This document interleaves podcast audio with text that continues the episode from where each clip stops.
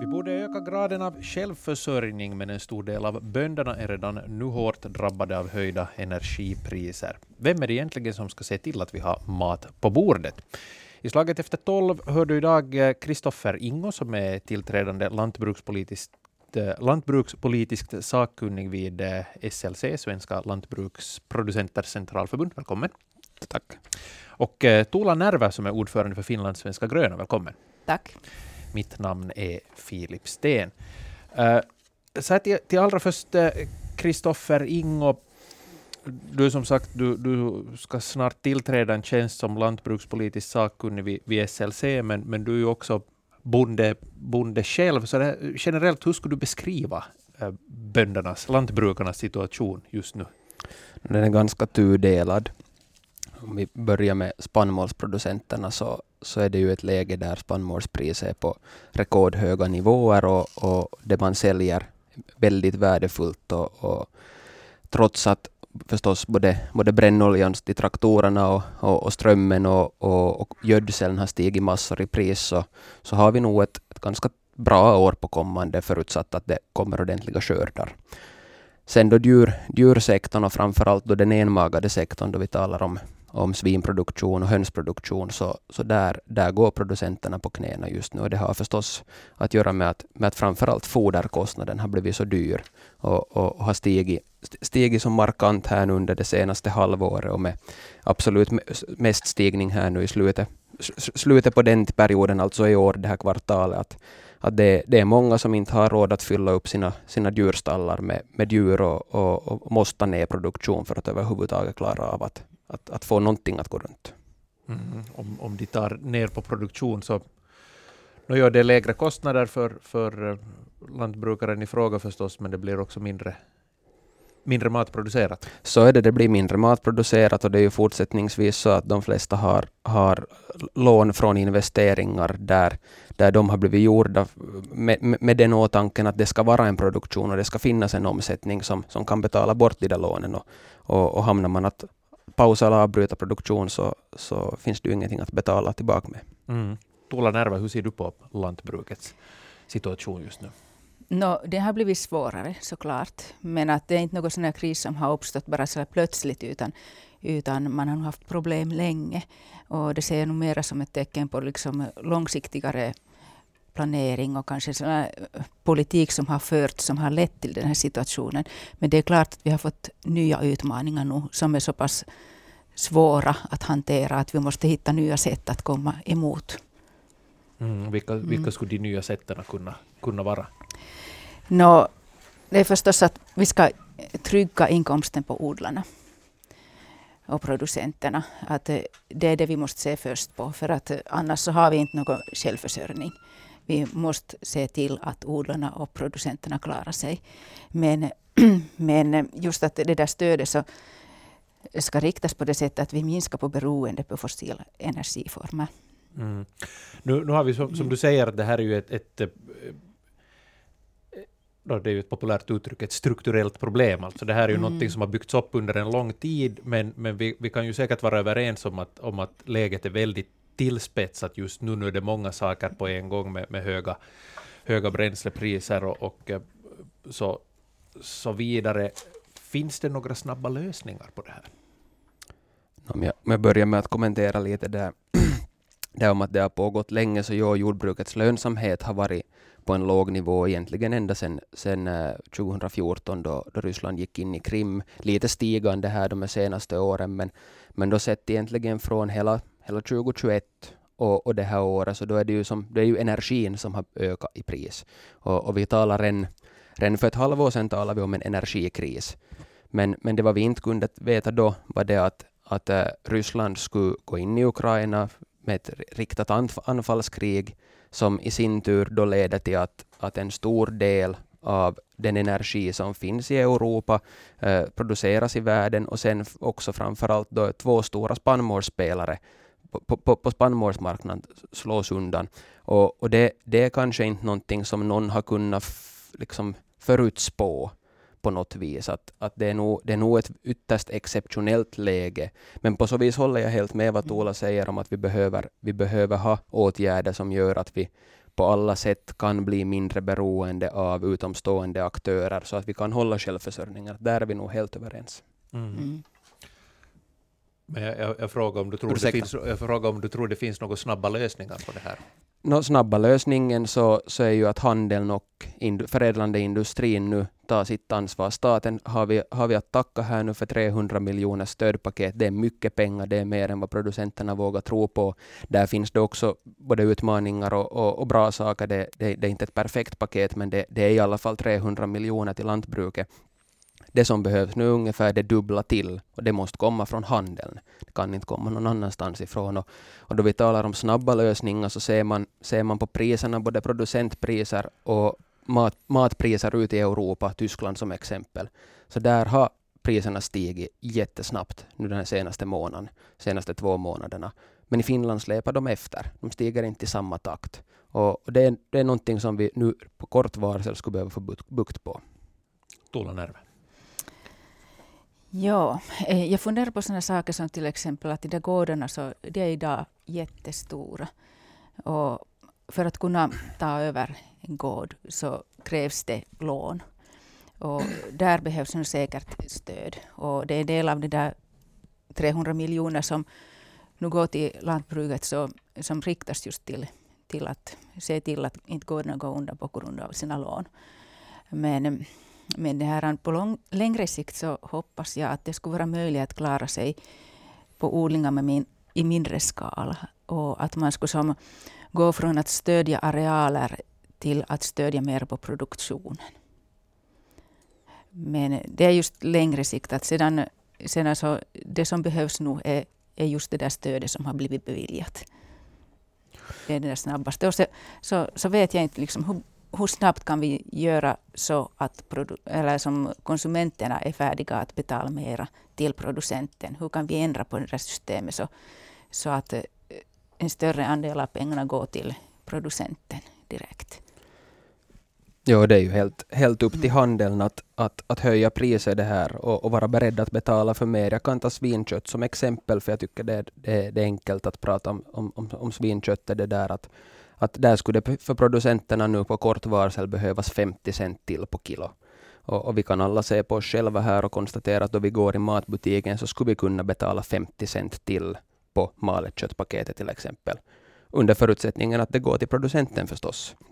Sen är det klart att också förädlande industrin och handeln kommer att se, se av vissa sorters kostnadsökningar här nu också. De ska också betala för transporter och, och, och förpackningsmaterial och sånt som också har stigit i pris. Så, så i verkligheten för att producenten ska få den där 50 centen kan det också behövas mer. Men vi ser också att de här två stora kedjorna som vi, som vi har i vårt land, så båda två gjorde rekordresultat på fjolåret det där ur sin detaljhandel, att där finns marginalerna. Ser vi på slakterierna då i sin tur så, så har de inte gjort några riktigt stora rekordresultat. Man kan inte påstå att de far iväg med en stor del. Och jordbruket så vet vi allihop att, att lönsamheten inte var speciellt bra på fjolåret. Mm. Så man borde komma åt handelns marginaler. Mm. ja, men eh, jag funderar just på att du nämnde gris, gris köttet som ett exempel på grund av att det som finns nära till hands. Men att, men att jag ser nu också på saken på det viset att vi borde nog som flytta på vikten från köttproduktion till grönsaksproduktion, spannmålsproduktion. En stor del av, av det köttet så far ju till export också. Men vi talar ju fortsättningsvis om att vi ska hålla vår självförsörjningsgrad och då behöver vi också protein i fortsättningen. Och de, de där, de där växt, växtbaserade proteinerna som skulle kunna ersätta till exempel griskött mm. så är inte sådana som man odlar i Finland som vi har förutsättningar att odla i Finland. Så, så vi kommer att vara beroende av att vi har mm. en, en, en proteinproduktion helt enkelt i form av till exempel svinkött också i framtiden. Ja, men varför exporteras så stor del av det där köttet? Om det behövs i Finland? Uh, för tillfället exporteras en mycket liten del av vårt kött. Det där, och det är då vi har haft överproduktion som man har kunnat, mm. kunnat exportera. Men det, det är ytterst liten del som exporteras idag. Mm. Men det är som ingen, inget alternativ då att gå, gå över till, till till exempel odla bönor? Då? Det är liksom inte riktigt samma sak och den där åkermarken behövs ju i alla fall för, Mm. för annat. Så det, det är inte liksom riktigt så där svartvitt. Det som tyvärr är utmanande här så är ju det att, att idag då man ser på vem som har det jobbigast så är det ju de här stora stora enheterna det där som nödvändigtvis inte helst har åkerareal utan som bara fokuserar på att föda upp det, det de är bäst på, att producera djur. Och, och, och då de inte har egen åkerareal betyder det också att de köper in foder, allt foder själv.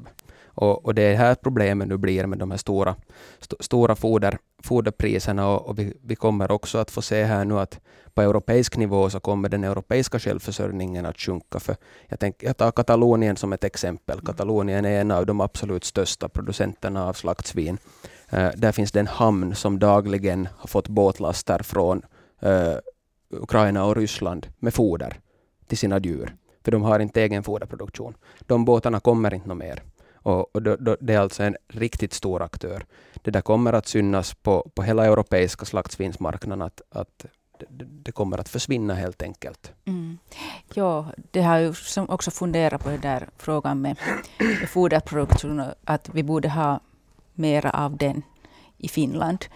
Och just det där liksom att man skulle ha som mera äh, mångsidig produktion, att de där äh, gårdarna skulle ha både djur, så skulle de också ha till exempel spannmål. Mm. Att, att det finns, och att eh, just den där liksom, stödsystemet har tydligen lett till att det har blivit så ensidigt. Att man har specialiserat sig och det har blivit mer sånt typ industriellt. Jag förstår att man har försökt få effektivitet i det hela. Men det har lett till en ganska sån känslig situation och beroende av andra producenter som då tyvärr kommer från utlandet, i många fall från Ryssland. Vi ska, vi ska en, en stund återgå till, till de här reda pengarna här. Eh, Regeringens rambudgetförhandlingar de gick undan väldigt snabbt. Mm. De, de var undan på, på ett dygn. Men äh, där kom det inte riktigt någonting konkret till, till lantbruket. Du skakar på huvudet, Kristoffer Ringo. Nej, det gjorde det inte. Det jag förstod där var att man, man skar en, var det 30, 30 miljoner ur jord och skogsbrukets budget för jord och skogsbruksministeriets budget för framtiden, men vad det exakt det betyder så, så vet, vet inte jag idag faktiskt att säga, men, men äh, inte desto mer konkret. Det vi vet nu att man stöder så är de här 300 miljonerna som, som kommer här nu i år och, och av de pengarna så, så är cirka 212 miljoner sådana pengar som är som, riktade som direkta stöd på ett eller annat vis åt producenter. Ja, det kallades försörjningsberedskapspaketet mm. som, som då som du sa, aviserades i, i, i förra veckan. 212 miljoner i år, varav 45 miljoner ganska snabbt i form av skatteåterbäring. Mm. Ja, det, den där energiskatteåterbäringen är ett ganska bra verktyg, för, för den, kan, den kan de betala ut på basis av redan ansökt eh, energiaccisåterbäring på fjolåret. Så det går i princip att på, på den ansökan betala ut enligt samma ska vi säga med samma byråkrati. Det, det, kräver inte så mycket mera för att få ut de pengarna, så det är bra. Men det som ju är tråkigt här och det som, som, som jag tycker också vi måste säga så är det att just de här gårdarna jag talar om nu som inte nödvändigtvis har jättemycket åkerareal och använder, använder väldigt mycket brännolja utan som, som kanske bara har ett, ett hus där man föder upp ägg eller, eller slaktsvin. Så, så de är inte de största mottagarna av den här accisen. Mm. De, de, har sin strömproduktion och egentligen från den är det det enda man får tillbaka accis på. Så, så lite fel slår, slår också det, att, och det, det, är väl kanske det som har varit kritiken till det här paketet, att, att, att nu så som, så som det presenterats så kommer de flesta att få någonting och det finns de som kanske nödvändigtvis inte behöver, som kommer att få ganska mycket. Och sen de som behöver det mest, unga bönder som inte har mycket åkermark men som har mycket skulder, får minst. Mm. Ja, det är, jag funderar på de här ekologiska gårdarna. Att deras läge är inte, kanske inte riktigt lika svår vid tillfälle. Att eh, det, det är förstås delvis på grund av att det här som eventuellt lite mångsidigare produktionssätt och, och sedan eh, de där gödselfrågorna så ser ju lite annorlunda ut. Men att eh, som en långsiktigare lösning så skulle man kanske kunna förbättra på den där självförsörjningen och den där säkerheten i det med att öka på andelen ekologiska gårdar. Det är förstås, man måste ju se sig för, det, de här ändringarna sker så småningom. Mm. Att inte, inte några sådana stora plötsliga drastiska ändringar, men att, men att man skiftar lite på, på det där vikten. Jag förstår den där tanken och, och, och, och, skulle väl egentligen vilja hålla med. Jag odlar själv ekologiskt på min gård och, och, och så, men jag, jag brukar också kunna konstatera att, att, att det är inte sådana som jag som garanterar eh, landets självförsörjning. För vi som odlar ekologiskt odlar en lyxprodukt som, som kostar mer att odla eftersom att vi mm. får ut mindre skördar eh, och, och det där som vi också i normala fall får bättre betalt för. Idag är inte är det ingen skillnad på, på ekospannmålen och på konventionella spannmålen. De är lika mycket värda idag. Uh, och, och, en ekologisk producent behöver mycket mer traktortimmar per hektar för att hålla bukt på ogräset. Mm. Så, så det där, jag skulle inte vilja säga att det är så enkelt att, att en eko, ekoproducent har det lättare idag på något vis. Att, att tvärtom så, så kan det till och med vara att det från fall till fall nog, nog inte alls är något lättare. Och och, och då det viktigaste ju är att vi ska, vi ska hålla landets självförsörjning, vi ska försörja oss själva och gärna, gärna någon annan också med mat. Så, så då, då måste vi få upp volymerna. Mm. Och jag menar, det är ju det som är utmaningen nu när vi har, har Ukraina ur spel, att, att det, det, är ett oerhört stort spannmålsland som ja. har exporterat massor med vete till framförallt norra Afrika. Mm. Nu, nu kommer matpriserna där att stiga med riktigt hö, hög fart vilket i sin tur leder till att det finns risk att vi har en, en, på riktigt, en, en akut matbrist i, i den delen av världen. Och då kan man nog fråga sig, jag kan fråga mig själv som ekoproducent, att är det vettigt att jag producerar en lyxprodukt då det finns de som är hungriga i resten av världen? Så det, är, det är en retorisk fråga. Så du menar att det går inte att kombinera höjd produktion med, no, vi är med ekoproduktion? Riktigt, vi är inte riktigt mm. där ännu, alltså på så vis kan, om man ser på den här tredjedelen av, av eh, regeringens krispaket nu, som, som inte direkta stöd, utan som mer har med investeringar och framtiden att göra. Mm. Så då kommer man ju just till de här grejerna att, att, att vi ska ta, vara bättre på att ta vara på våra näringsämnen från, från andra delar än helt enkelt konstgödsel, för att mm. kunna öka produktion. Så, så det där, ja, på sikt kan vi komma dit, men vi är inte riktigt där ännu och, och mm. krisen vi har just nu är nu inte i framtiden. Ja. ja, men så har vi de här stödpengarna också nu, inte i framtiden. Så är det. så att det finns ju sätt att balansera, men, men att det är just, just så där att ofta så måste man ju söka efter den där balansen. Och nu har ju ekologisk produktion andra fördelar också än bara, bara liksom att det ska vara en lyxprodukt. Eller att det är som just när man tänker på jordkvaliteten till exempel. Så, så nu är det ju som långsikt, ett långsiktigare sätt att arbeta på. Så är det på lång, på lång sikt, absolut. Jag håller helt med. Mm. Uh, jag måste kasta in en, en, fråga här då du sa det här att uh, det är ingen prisskillnad i konventionellt spannmål och ekospannmål. Då kommer jag bara på här att jag har reagerat i butiken ofta att den ekologiska mjölken kan vara den billigaste mjölken som finns i, i mm. butiken. Mm. Vad, vad beror det på? För det borde ju också då vara en, en, en lyxprodukt så att säga, eller åtminstone en, en mer nischad produkt. Mjölken hör väl kanske till de som de sektorer som eh, åtminstone på EU-nivå den här marknaden har funkat väldigt bra på. Om man säger så att då det har varit överproduktion så har också priserna sjunkit. Och då det har varit lägre produktion så har priserna gått upp. Och, och där problemet just att, att, att den här ekologiska mjölken har, hade kanske producerats mer än, eller det har producerats mer än vad efterfrågan har varit på. Man har måste få ut den. Men det är ju just som du konstaterar, mycket, mycket konstigt att den dyrare produkten ska kunna vara billigare, för den är dyrare att ta fram. En ekologisk mjölkliter kostar mer att ta fram än en konventionell mjölkliter. Mm. Som konsument tackar jag. Ja, det förstår jag. ja, mer produktion och lägre priser, så, så att man skiftar lite på den där vikten i produktionen så kanske blir det mer på det viset. Uh, nu då vi ser på de här äh, stödpengarna som kommer i det här försörjningsberedskapspaketet så har det riktats kritik att det inte kommer tillräckligt snabbt. Att det, det är en del bara som kommer nu i, i vår, men, men merparten av de här äh, 200, dryga 200 miljonerna kommer först uh, mot hösten. Många lantbrukare lider ju av, av likviditetsproblem redan nu. Hur ska de här producenternas situation uh, upphjälpas. Vad säger du, Tuulanerve? Ja, jag funderar på när kommer den energiskatteåterbäringen då? Man talar, om, man talar om, om maj-juni. Maj-juni, så att det, åtminstone en del kommer nu ganska snart. Mm, jo. Att det är ju en liten del, i alla fall. Mm, men är det bara att mm. liksom uppsöka banken här då, eller? Ja, för, för många kommer det nog att bli det. Att, att mm. Äh, begära om amorteringsfriheter på, på befintliga lån och, och, för någon kanske också att lyfta, lyfta likviditetslån och, och det där. Det finns nog inte ett rätt och ett fel där, men, men äh, tyvärr är det så att, att äh, vi har, vi har både i Finland och i EU har vi ett oerhört byråkratiskt jordbrukssystem. Och det är det som sätter käpparna i hjulen. Att, att där vet jag att regeringen hade, hade ett annat förslag på hur de här stödpengarna skulle betalas ut. Men att EU-kommissionen satt, satt stopp för det. Och, och, man blev tvungen att gå, ut för, gå in för just, just den här lösningen som, som man nu har på bordet helt enkelt. Och det är helt och enbart EU-kommissions fel och det är de vi, de, de vi kan skylla för det. För jag håller helt med om att det här, det här går för långsamt. De här pengarna skulle behöva vara på, på böndernas bankkonton imorgon, helst igår.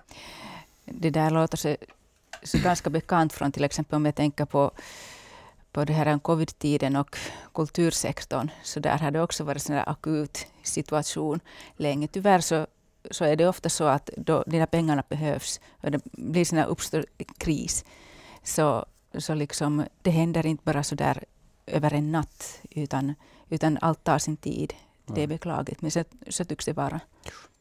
Här, här är det ju också, just med i an, an, eh, anknytning till det här, så har det ju påpekats just att det kanske finns en lite olika syn på, på hur omfattande det här problemet är i, i just EU och i, i, i Finland.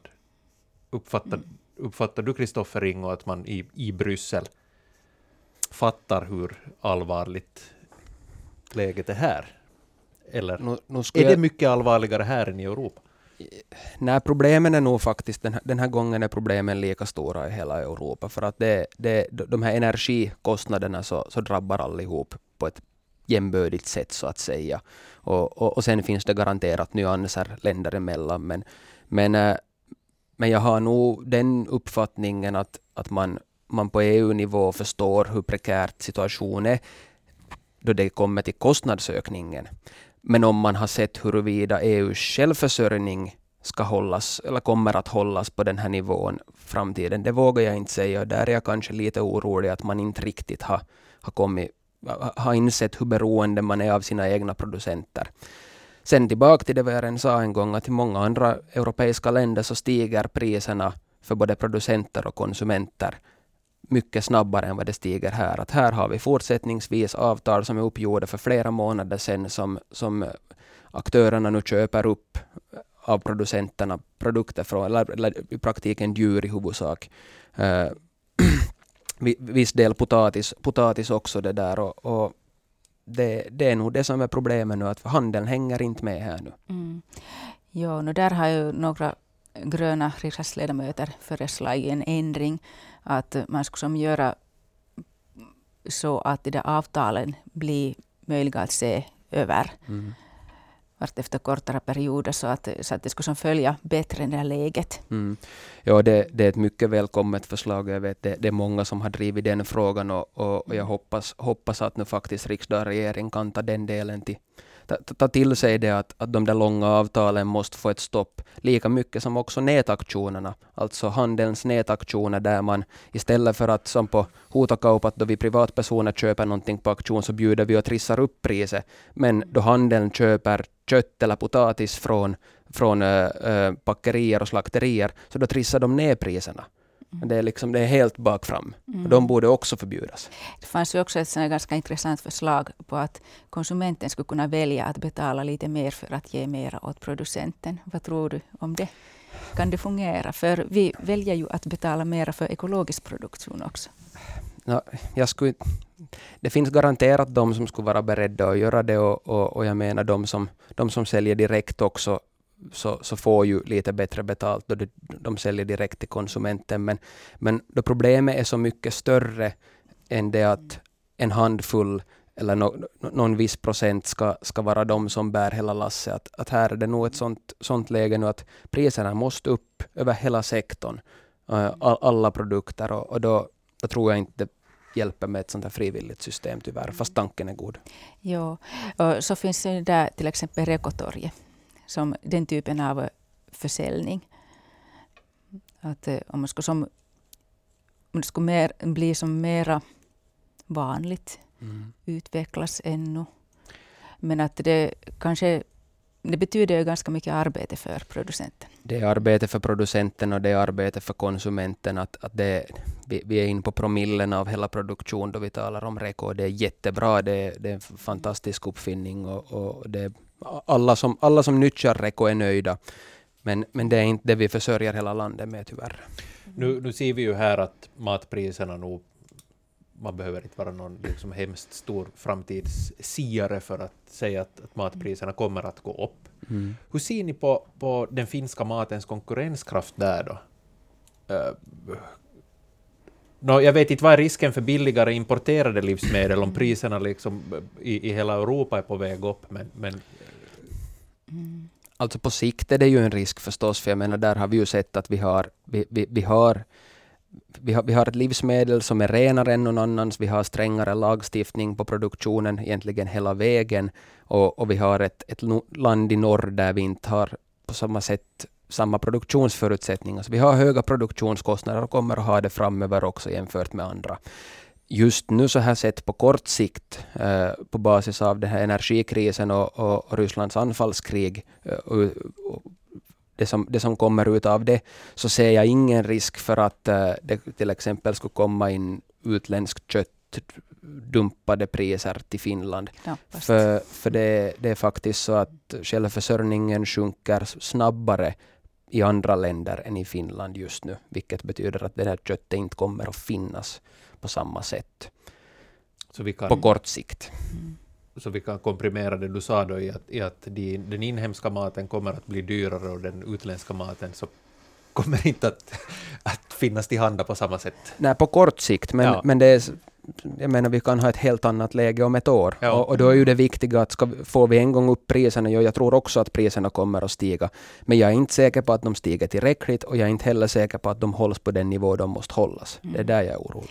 No, det gäller ju Europa, men jag, jag funderar på den där liksom livsmedelsimporten från övriga världen. Att eh, alla påverkas ju inte i samma grad av Rysslands krig. Så att eh, det kan ju hända att det kommer in en del därifrån. Och andra hand så kostar ju kaffe mera. Jo, det beror ju helt och hållet på vilka grödor vi pratar om. Att alltså billigt foder för djur till Europa så tror jag de flesta kan vara med om att det är helt, helt välkommet nu förutsatt att det är producerat under, under okej omständigheter.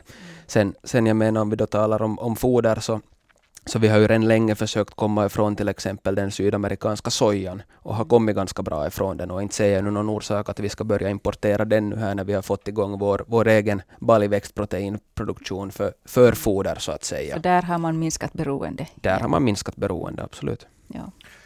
Uh, ännu den här, den här lantbrukets eh, likviditetskris, eh, nu, nu står vi inför odlingssäsongen här. Om, om man som lantbrukare då har tomt på konto just då, då odlingssäsongen ska inledas, vad, vad innebär det i praktiken? Då? Hur påverkar det produktionen? Det beror ju helt och hållet på hurdana lager man har. Många beställer sin till exempel gödsel då marknaden för nästa år öppnar i juli. Och de som har gjort det och har, har fulla gödsellager och, och utsäde framför och förhoppningsvis lite brännolja i tanken dessutom, så, så, så det där kommer säkert att klara av att komma igång med vårbruket helt bra. Men, men sen finns det de som varken har brännolja i sina tankar eller gödseln helst beställd, eller framförallt kanske inte att man har fått den för det har varit brist. Och, och då, det, det finns liksom inte det där lätta svaret att, att det är klart åkermarken ska odlas på något sätt. Uh, vi har sett prognoser om att, om att eh, spannmålsarealen kommer att minska till förmån för mera vallproduktion. Eh, för att det är billigare att odla vall helt enkelt. Men det kommer också mindre utkomst från den och har du inte eh, fyrmagade djur som gör någon nytta av den där vallen så, så är, det, är det inte egentligen mycket mer annat än en grön åtgärd du gör. Mm. Den är förvisso också bra men det skapar inte mycket inkomst. Ja. Uh, ja, förstås, liksom, där ser man betydelsen av den långsiktiga planeringen. Att om man har förberett sig och liksom gjort sig färdig för följande säsong så, så har man då bättre möjligheter att klara av situationen. Och då kommer ju också de där stödåtgärderna mm. i rätt tid för att då får man mera då på hösten mm. och har redan ganska klart för våren. Mm. Så är det. Och sen kommer nog bankerna att, att, att få, få, hjälpa till här också. Att det, det finns de som kommer att behöva de här likviditetslånen och tillfälliga amorteringsfriheten. Och, och, och de som har möjlighet att få det, så får det säkert också av bankerna. Men tyvärr gäller det ju inte alla det heller. Ja, jag såg en, en rubrik i Landsbygdens folk idag där det var att i, i år så borde man faktiskt fundera efter vad det är man odlar. Mm. Så är det, och det borde man ju göra varenda år. Så det, det på så vis är inte i år ett unikt år, men, men det är klart det, det är lättare att fundera två gånger då, då kostnaderna är på den här nivån, att, att vad man faktiskt sår. Och, och, och, om vi nu ska se positiva saker så, så tror jag ju nog att vi kommer att ha en mer, ska vi säga, bred palett av grödor som odlas på gården, alltså en bättre växtföljd och det är bra för både produktion, ekonomin och miljön. Ja. Tuula Närva, ur ditt perspektiv, tycker du att det finns en, en tillräcklig eh, en, en tillräcklig kor korrekt förståelse för, för lantbrukets problem, men också lantbrukets betydelse? Att har vi människor i, i, i Finland så där på det stora hela, fattar vi vikten av det här lantbruket? Det stora hela, om man ska tala för hela Finland och alla människor. Så ja, inte svårare än så. ja, alltså jag, jag tror nog folk är ju som har blivit mer medvetna om de här frågorna. Och det är ju som liksom oberoende partitillhörighet så har ju det här temana diskuterats mycket den här senaste tiden. Och, och just SFP, Centerpartiet och de gröna har nog diskuterat det länge och vi har funderat på det här. Så att eh, nu tror jag att folk blir mer medvetna. Sedan eh, liksom att har vi tillräcklig förståelse, så det kan man ju alltid förbättra på. Men att det är ju klart att man har som lite olika äh, yrken och livssituationer och omgivningar där man bor. Det är klart att man inte alla har den där förstahandsinformationen om saker och ting. Men att det är bra att det diskuteras. Vad säger du, Kristoffer? no, ända egentligen från, från början av coronapandemin, då, då det blev liksom ett allmänt, allmänt, äh, en allmän diskussion kring självförsörjning och vad vi, vad vi riktigt har tillgång till. Och, och det börjar bli brist på, på lite ett och annat. Nödvändigtvis inte livsmedel, men i, men i alla fall så, så sen det så, så upplever nog jag att, att den allmänna opinionen har blivit mer förstående för, för producenterna och att det faktiskt är så att det är någon som jobbar för att ta fram maten som finns i matbutiken. Så på så vis tycker jag att det, det bara har blivit, det, det, har blivit bättre och, och det, den förståelsen har nog också ökat här nu på kort sikt tack vare eller på grund av det, det hemska kriget i Ukraina. Eh, men nu finns det ju mycket ännu som skulle kunna göras och, och en sån sak som, som jag tycker är en bra idé som, som jag hoppas att, att någon skulle vilja ta fasta på, så, så en sån här dubbel prisföring i butiken som man i Frankrike har testat på och, och gjort hade helt enkelt så att, att eh, då man hade en produkt i, i butiken så fanns det ett pris som var inköpspris och ett pris som var försäljningspris. För då skulle man också se, se den där skillnaden, att vilken, vad, vad far handeln iväg med. Vi vet till exempel att, att på äggsektorn så, så där har producenten inte helst hälften av slutliga priset. Utan producenten har en fjärdedel, packeriet har en fjärdedel och matbutiken har halva priset på ägget, så att säga. Är för landet samma i Finland? Nej, det här är Finland. Ja, det, är Finland. det här är ja. Finland. Frankrike är lite annorlunda. Jag ska inte säga hur det är i Frankrike, mm. för det vet jag faktiskt inte. Men, men det intressanta där är ju det att producenten gör hela produktion av ägget, det är ju färdigt paketerat. Sen mm. läggs det i en kartong och packeriet kör det till butiken och lämnar det i butiken. Idag har vi självbetjäningskassor, så, så det, där, det är inte helt sagt att någon plockar den här äggkartongen i butiken, men ändå tar de halva priset. Och, och sådana här saker skulle som behöva komma fram så att allmänheten ser var faktiskt, var, var har vi de här olika kakorna, hur mycket får vem av olika produkter. Mm. Och där skulle den kortare avtalsperioden vara till hjälp. Absolut, det skulle vara nödvändigt. Mm. Där eh, säger vi tack till eh, Tuula Närve som är ordförande mm. för Finlandssvenska gröna och Kristoffer eh, Ringo som alldeles snart är lantbrukspolitisk sakkunnig vid SLC. Mitt namn är Filip Sten och slaget efter tolv slutar här. Tack.